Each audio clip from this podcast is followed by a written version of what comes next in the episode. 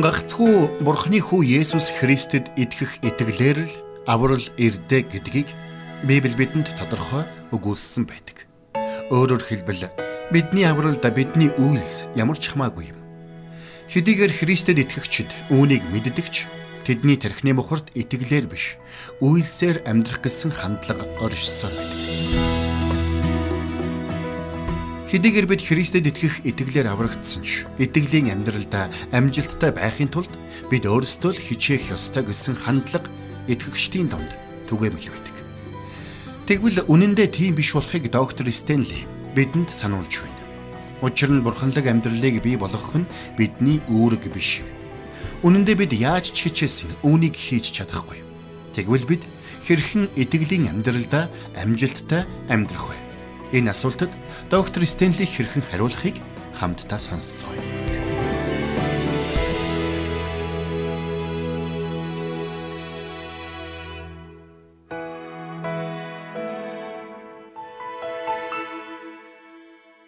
Библи бол амьд бурхны алдаа мадаггүй, хувиршгүй, мөнхийн үг мөн.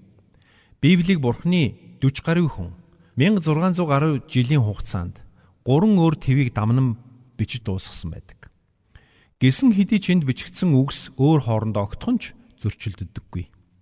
Эхлэл номоос аваад илшил ном дуусах хүртэл өөр хоорондоо зөрчилдсөн утга санаа нэгч байхгүй. Библиэдх утга санаа нь шавхагдшгүй юм. Библи өөрөө устгагдшгүй ном. Өнгөрсөн түүхийн туршид Библийг устгах гэж оролцсон бүхий л оролдлогууд бүгд бүтлгүйтсэн. Библи одоо ч номын зах зээл дээр хамгийн өндөр борлуулалттай шилдэг бестселлер ном болсон хിവэрэ байна. Тэгвэл Бурхан ариун Библи хэмээх энэ гайхамшигт номыг бидэнд яагаад өгсөн юм бэ? Өнөөдөр би танд чухамдаа энэ л асуултанд хариулт өгөхийг хүссэн юм. Тиймээс хамтдаа 2 дугаар Тимотийн 3 дугаар бүлгийг гаргаад харъя. 3 дугаар бүлгийн 13-аас 17 дугаар ишлэгийг эхлээд харъя. Харин ёрийн муу хүмүүс мэхлэгчд хуурж хуурагдан улам муудна. Харин чи юу сурсан? Юунд итгэсэндэ бай.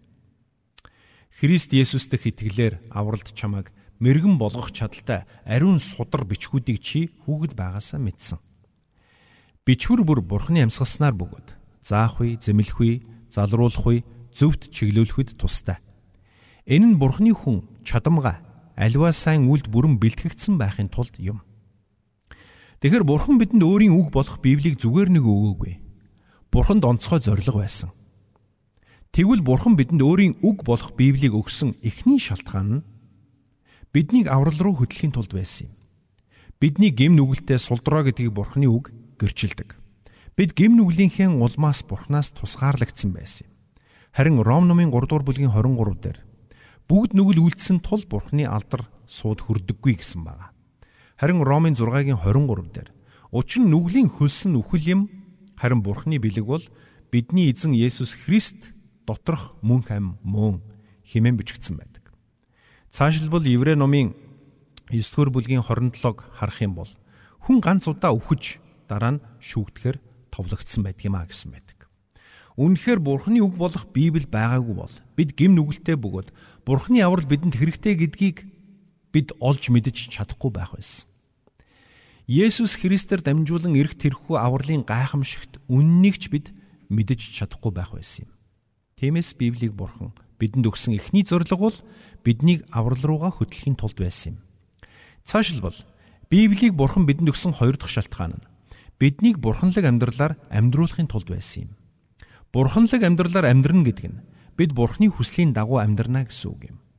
Гэхдээ мэдээж энэ нь огт алдаа гарахгүй гэсэн үг биш ээ. Огт бүдрэхгүй гэсэн ч үг биш. Харин энэ нь бид Есүс Христийг аврагчаа болгон хүлээн аваад зогсохгүй. Бурхны дуулууртаа дагах гэсэн хүсэл эрмэлзэлтэй байхын нэр юм. Бид алдаа гаргаж бүдэрсэн ч Бурхны өмнө гим нүглээ гимшиж Есүс Христийн загалмайн үйлсийн улмаас Бурхнаас уучлал өршөөлийг хүлээн авна гэсэн үг юм. Учир нь Есүс Христ загалмай дээр цовдлогдсон гимгүү цусаа урсгахдаа бид бүгдийн хорон муу гим нүглийн өмнөөс амиа өргөсөн юм. Тиймээс бид Есүс Христийн загалмайн үхлийн улмаас Бурхны өмнө ирэн гим нүглээ гимшиж Бурхнаас уучлал өршөөлийг хүлээн авах боломжтой болсон юм. Тэгвэл бид бүх чухал үннийг Бурхны үг болох Библиэс ангид хэрхэн олж мэдэх вэ? Тиймээс чухамдаа энэ л зорилгын төлөө Бурхан бидэнд өөрийн үг болох Библийг өгсөн юм. Бид Библийн үгээр дамжуулан бурханлаг амьдралаар амьдрах үед бидний амьдрал бүхлээрээ дардан шулуун болно гэсэн үг биш гэдгийг бид ойлгох хэрэгтэй. Харин ч бурханлаг амьдрахыг хүсэгч хүн бүр хавчигдах болно гэдгийг Библи гэрчилдэг юм. Харамсалтай нь мянган мянган итгэгчид ням гараг бүр цуглаанд явж номл сонсдог атлаа Библийн энэ чухал зарчмыг огт ойлгож мэдэхгүй явсаар байдаг юм. Тэд амьдралдаа иймч зүйл хийж болохгүй, тиймч зүйл хийж болохгүй гэсэн олон зарчим онлуудыг сонсож сурсан хэдий ч харин итгэлийн амьдралын чухал зарчмуудад огт сургагдаагүй явж байдгийг. Өнөөдөр маш олон итгэгчид өөрсдийгөө аврагдсан эсхээч мэдэхгүй. Эсвэл авралаа алдах эсхээч мэдэхгүй явж байна. Яагаад тэр вэ? Яагаад гэвэл тэд итгэлийн амьдралын үндсэн зарчмууд, үндэс ойлголтуудыг огт мэдэхгүй учраас тэр юм. Үүний нэг тод жишээ нь би өөрөө юм. Би 12 настай байхдаа Христэд итгэж авралыг авсан. Тэр үед надад хэрвээ цаг ямагт сайныг үлдэх юм бол бас нүгэл үлдэхгүй байх юм бол авралаа алдахгүй. Харин ингэж чи үлдэж чадахгүй бол авралаа алдах болно гэж зааж өгсөн юм. Энэ бол маш алдаатай ойлголт юм. Ийм бодолтой амьдрах нь итгэлийн амьдралыг там болгож хувиргах болно. Учир нь энэ нь Библийн дагуух ойлголт огт биш юм. Гэвч би багаасаа ингэж заалгасан учраас чадлаараа хичээдэг байсан дунд сургуульд байхдаа их сургуульд орохдоо ч чадлаараа хичдэг байсан юм. Гэхдээ л төгс байж чадаагүй. Байс хийгээд л унаж бүдэрдэг байсан. Би Библийн сургуульд сурч байдгаараа хичээсэн. Цуглаан дээрээ Библийг зааж, номлол хийж, авралаа алдчихгүй хадгалж байхын тулд чадах бүхнээ хийсэн. Эцэст нь би Библийг уншиж судлан Бурханаас асуун залбирч эхэлсэн юм. Улмаар Бурхан миний зүрхэнд Бурханыг улам их таньж мэдэх халуун хүслийг өгсөн. Тиймээс би залбирч, мацаг барьж Бурханы өмнө дууга өндөрсгөн.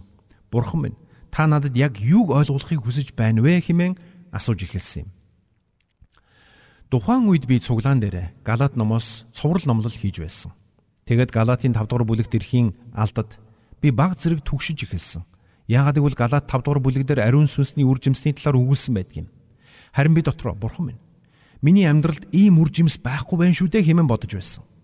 Нэм гараг болохоор хайр, амар тайван, баяр хөөр гих мэд ариун сүнсний үр жимсээр дүүрэн байгаа юм шиг надад санагддаг байсан.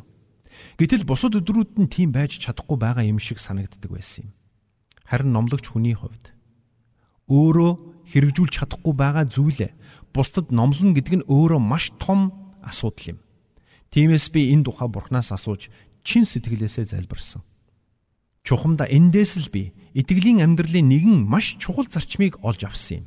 Үнэн дээр миний хамрагдаж байсан чуулган. Энэ чухал зарчмыг огт зааж байгаагүй болохыг би хожим нь ухаарж ойлгосон юм. Тэр бүхэл Библийн сургуульд 3 жил сурахтаач олж сонсож байгаагүй. Хэрвээ сонссон бол би үнийг ойлгох байсан гэдэгтээ итгэлтэй байна. Гэвч хинч надад үнийг зааж хэлээгүй. Тэгэхээр энэ бол итгэлийн амьдралын маш чухал зарчим. Хэрвээ та үнийг ойлгохгүй юм бол та итгэлийн амьдралдаа бүтлгүүтлээс бүтлгүүтл рүү урам хугаралтаас урам хууралт руу алхах болно. Тэгвэл энэ нь яг ямар зарчим юм бэ? Энэ бол миний дотор буй Христ гэсэн зарчим юм. Энэ бол итгэлийн амьдралын үндсэн зарчим. Итгэлийн амьдралаар би өөрийнхөө хүчээр амьдрч чадахгүй. Харин миний дотор буй Христ надаар дамжуулан амьдрч эхлэх үед сая би итгэлийн амьдралаар амьдрч эхэлдэг байна.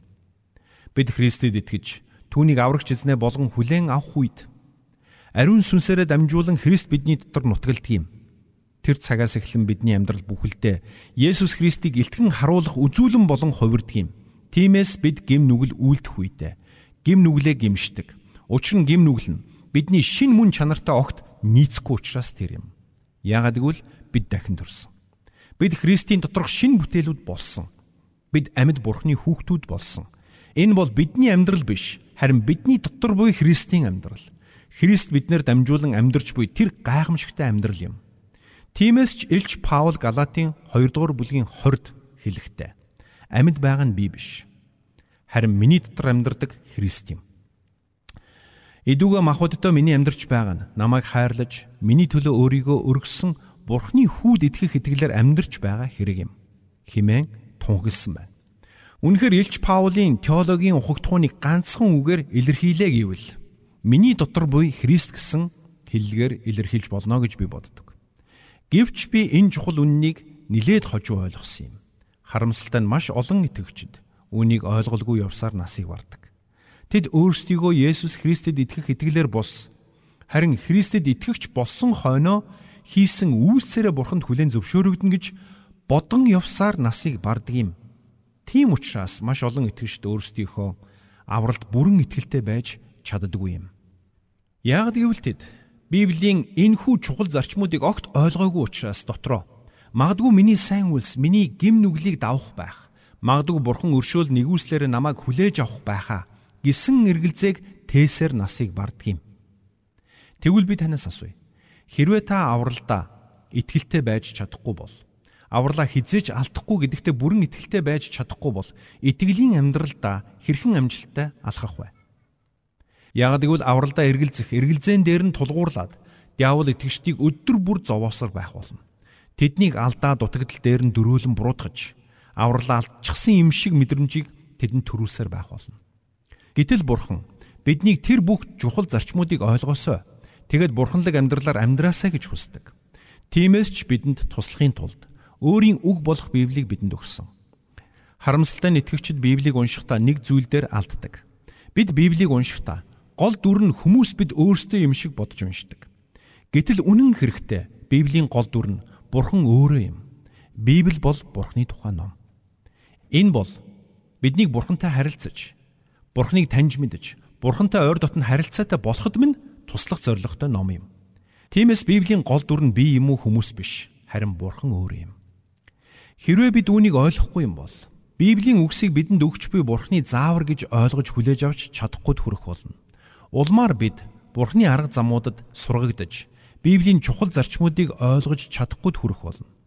Тэр тохиолдолд бид уруу датлахтай нүүр тулах үедээ, айц дүгшүүртэй нүүр тулах үедээ эргэлзээ тэнэгэлзэл, хавчлаг гадуурхал, үл уучлалтай нүүр тулах үедээ хэрхэн хариу үйлдэл үзүүлэхээ мэдэхгүй төрөх болно. Жишээ нь олон хүн эцэг ихтэй гомдсон гомдлоо тэн амьдарсаар байдаг. Мэдээж бид эцэг ихтэрээ очиод уучлал гуйж эвлэрч болно. Гэтэл эцэг их нь аль хэдийн нас барчихсан бол яах вэ? Тэр тохиолдолд яах ёстойгоо олон хүн мэддэггүй.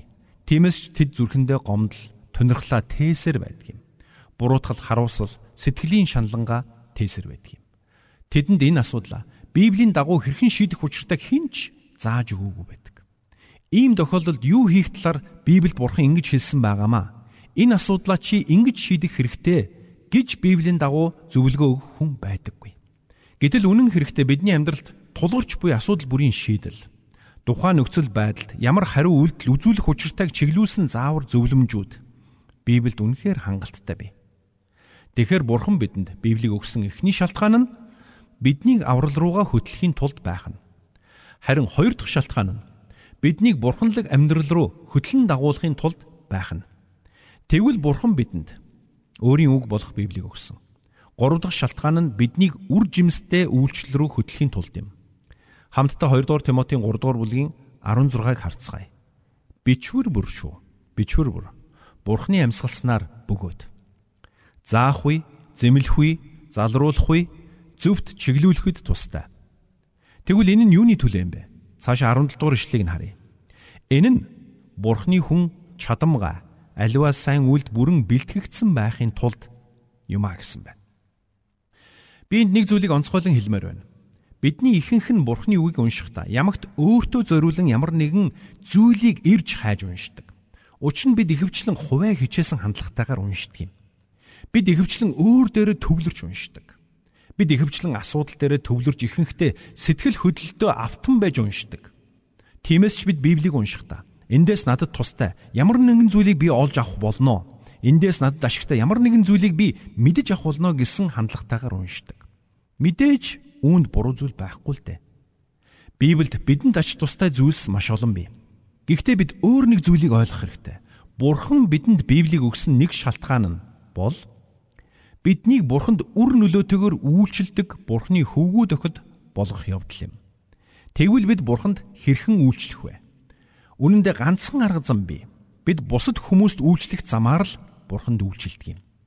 Бидний эргэн тойронд янз бүрийн хүмүүс байж болох ч бид тэр хүмүүст үйлчилснээр бурханд үйлчилж байдаг гэдгийг бид ойлгох учиртай. Тиймээс Жифес номын 2 дугаар бүлгийн 10-д хэлэхдээ Учир нь бид сайн үйлсийн төлөө Христ Есүс дотор бүтээгдсэн түүний бүтээл мөн. Бидний эдгээрийн дотор яваасаа гэж Бурхан урдаас бэлтгэсэн билээ гэсэн байдаг. Өөрөөр хэлбэл бидний итгэлийн амьдралын хэв маяг Бурханд үйлчлэх үйлчлэлийн амьдрал байх учиртай юм. Үүнээс зайлах, бултах арга гэж байхгүй. Бид бол Бурханы үйлчлэгчид. Зарснаар мөн. Би өөрийгөө чаднаа гэдэгт эргэлзэж байна гэж та бодож үж болох юм. Би ч бас эргэлздэг. Гэхдээ Бурхан бидний хүн бүрт өөр өөр дуудлагыг өгсөн. Тэр утгаараа бидний сүнслэг бэлгүүд өөр өөр байдаг юм. Бидний хийж чадах зүйлс өөр. Хийж чадахгүй зүйлс бас өөр байдаг юм. Хэрвээ Бурхан биднийг өөртөө үйлчлүүлэхээр урдаас тогтоосон юм бол бидэнд Библийг өгсөн нэг чухал зорилго нь биднийг үйлчлэлд бэлтгэхийн тулд байсан гарцаагүй юм. Тэгвэл та амьд бурханд үйлчлэх энэхүү үүргийнхээ дагуу алхаж чадаж байна уу? Учир нь бидэнд үүнээс зайлсхийх ямар ч боломж байхгүй юм. Энэ цагт би ярианы сэдвийг баг зэрэг өөрчилж Библиэд бичигдсэн шүүлтүүдийн талаар ярмаар байна. Библиэд хоёр янзын шүүлтийн тухай өгүүлсэн байдаг. Эхнийх нь агуу их цагаан сентиний өмнөх шүүлт гэсэн байдаг. Энэ шүүлтийн үеэр бурханд итгэхээс татгалзсан бүх хүн бурхны өмнө зогсох болно. Тэгээд тэд бүгд үйлсийнхээ дагуу шүүгдэх болно. Энэ бол авралыг авч чадаагүй хүмүүсийг шүүх шүүлт юм. Энэ тухай дараа ярих болно. Харин дараагийн шүүлт нь Илч Паулийн 1-р Коринт загталтаа дурдсан Есүс Христийн сентиний өмнөх шүүлт юм. Энэ шүүлтээр Христэд итгэгчид бид Бурхны өмнө тайлангаа тавих болно. Тэр цагт бидний авралын асуудал огт ярихдаггүй. Учир нь бидний аврал Есүс Христийн дотор үрд баталгаатай болсон юм. Харин тэр цагт бид үйлсийнхээ дагуу хэрхэн шагнагдах вэ гэдгээ шийдвэрлэх болно. Энэ бол Бурхны хүүхэд болсон хүмүүсийн шагналын шүүлт юм. Тэр цагт бид үйлсийнхээ дагуу мөн үйлчлэлийнхээ дагуу шагнагдах болно. Ингээд хамтдаа 1-р Коринтын 3-р бүлгийн 1-д харъя. Илч Паул энд өөрийнхөө болон тухайн цаг үеийн бусад удирдагч нарын үйлчлэлийн тухай инхүү өгүүлсэн байна. 1-р Коринтын 4-р бүлгийн 10-аас харъя. Надад өгөгдсөн Бурхны нэгүслийн дагуу би мэрэгэн барилгачин мэд. Сүр тавьсан бөгөөд өөр нэгэн түүн дээр барьж байна. Гэхдээ түүн дээр яаж барихаа хүн бүр анхаарах тун. Учир нь тавигдсан суурь болох Есүс Христээс өөр суурийг хинч тавьж чадахгүй юм. Үнэхээр энд бичигдсэнчлэн бид Есүс Христэд итгэж авралыг авсан л юм бол бидний сүнслэг амьдралын суурь нь гагцгүй Есүс Христ байх болно. Тиймээс бид энэ сүнслэг суурин дээр амьдралаа барьж байгуулж эхэлдэг юм. Тэгвэл та одоо миний хэлэх зүйлсийг анхааралтай сонсоорой. Хэрвээ та дахианы сарвч барих гэж байгаа бол таны байшинд хүчрхэг суурь шаардлагагүй байх болно. Хэрвээ та олон зуун давхар сүрлэг байшин барих гэж байгаа бол тэр байшингийн чин суурь маш гүн, маш найдвартай байх ёстой болно. Тэгвэл бидний хүнийг бүрийн амьдралд Бурхан Есүс Христ химээх хөдлөшгүй хадан суурийг тавьж өгсөн байна.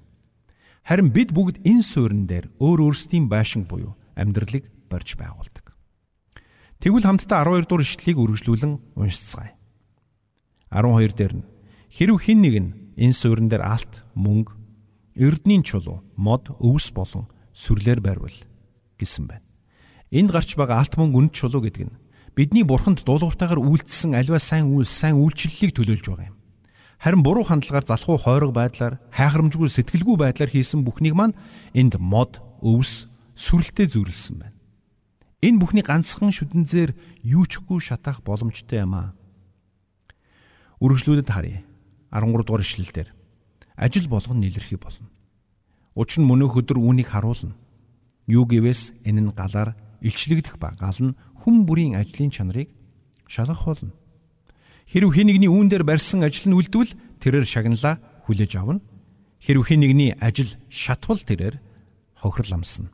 Тэр өөрөө гал дундуур гарсан мэт боловч аврагдана гэсэн байна. Энэ нь юу гэсэн үг вэ? Христийн шүүлтийн өмнө бид зогсох үед бидний шагнал бидний үйлсээс буюу бидний үйлчлэлээс шууд шалтгааллах болно гэдгийг бид харж байна. Тиймээс бидний итгэлийн амьдралд бидний үйлчлэл маш чухал байр суурийг эзлэх юм байна гэдгийг та садар ойлгох нь чухал юм. Тэгэхээр Бурхан бидэнд өөрийн үг болох Библийг өгсөн гурван үндсэн шалтгаан байна. Эхнийх нь биднийг аврал руу хөтлөхийн тулд, хоёрдугаарт биднийг бурханлаг амьдрал руу хөтлөхийн тулд, гурав дахь нь биднийг үр нөлөөтэй үйлчлэлийн амьдрал руу хөтлөхийн тулд байх нь. Тэгвэл энэ бүхний эцэст би танаас асуумаар байна. Та бурханд хэрхэн үйлчилж байна вэ? Бурхны төлөө юу хийж байна вэ? Амьд бурханд үйлчлэхийн тулд та яг юуг хийж бүтээж байна вэ? Учир нь бидний амьдрал үйлчлэлийн амьдрал байх учиртай. Бурхны үг болох Библи бидэнд энийг сануулж байна. Магадгүй та дотроо Библи биднийг хэрхэн үр нөлөөтэй үйлчлэл рүү хөтлөн дагуулдаг юм бэ гэж асууж иж болох юм. Бид Библийг уншиж эхлэх үед Библиэд бичигдсэн итгэлийн амьдралын чухал зарчмуудыг бид ойлгож эхэлдэг юм. Харин тэр бүх зарчмуудыг ойлгож эхлэх үедээ бид бидний үйлчлэл биднээс биш харин бидний дотор буй Христэс шалтгаалдаг болохыг ухаарч эхэлдэг. Өөрөөр хэлбэл бидний өөрсдийн хүч биш харин бидний дотор буй ариун сүнсний хүчээр бид бурханд үйлчлдэг юм байна гэдгийг бид ухаарч эхэлдэг юм. Энэ чухал зарчмыг ойлгож эхлэх үедээ бид бурханд үйлчлэх зүрх зоригтой болж эхэлдэг юм.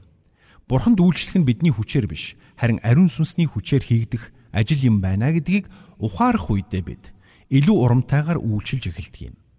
Тиймээс бидний үйлчлэлээр дамжуулаад бурхан гайхамшигтай ажлуудаа хийж эхэлдэг. Яагаад тэр вэ? Яагаад гэвэл үр нөлөөтэй үйлчлэлийн хамгийн чухал зарчмыг бид ойлгосон учраас тэр юм. Тиймээс би эцэст нь танаас асууя. Нэгдүгürt та мөнхийн авралыг авахыг хүсэж байна уу? Хэрвээ тийм бол та Библиэс Бурхны авралын талаарх үннийг олж мэдээрэй. Та бурханлаг амьдралаар амьдрахыг хүсэж байна уу? Хэрвээ тийм бол та Библи рүүгээ хандаарай. Мэдээж та итгэлийн амьдралдаа алдаа гаргаж унаж бүдрэх болно.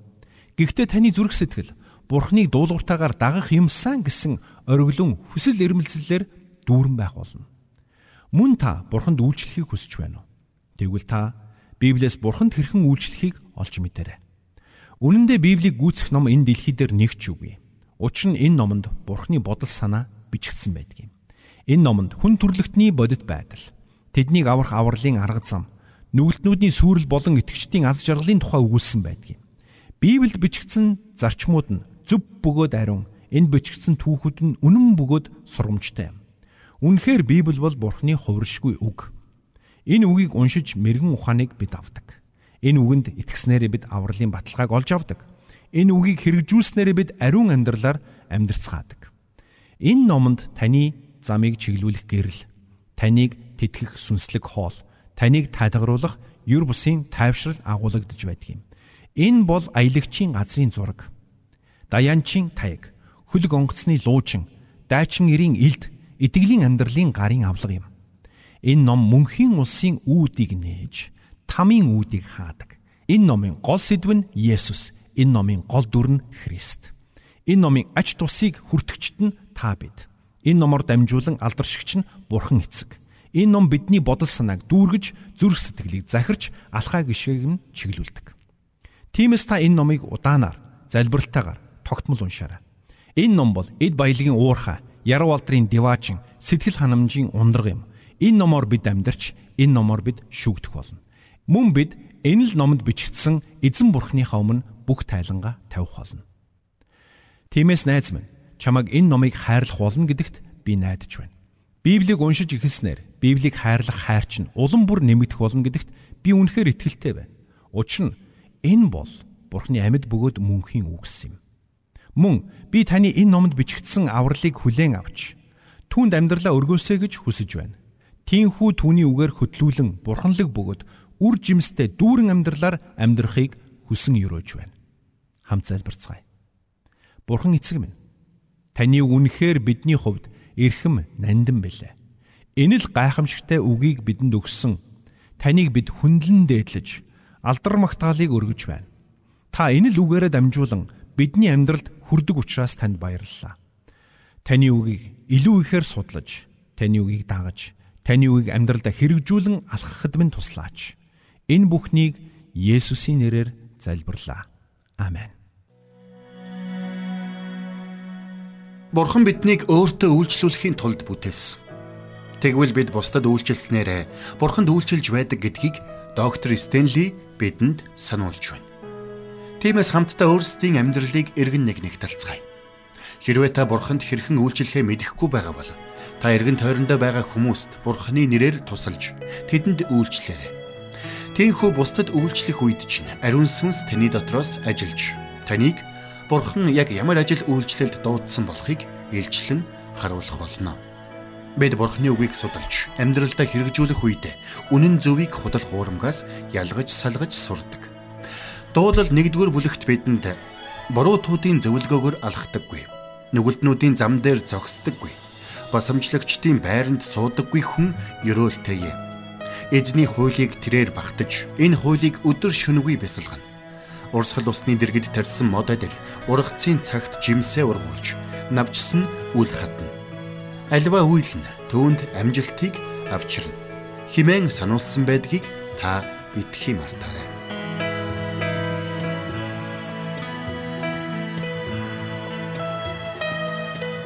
Бурханд тэмүүлсэн сэтгэл хүмүүсийг энэрх зөрхөөр амьдрахад туслах номлогч доктор Чарлз Стенлигийн хамттай нэвтрүүлэг сонсогч танд хүрлээ. Нэвтрүүлгийг дахин сонсохыг хүсвэл ихтгэл радиоцик.com-оор зочлоорой. Бидэнтэй холбогдохыг хүсвэл 8085 99 тэгтэг дугаард хандаарай.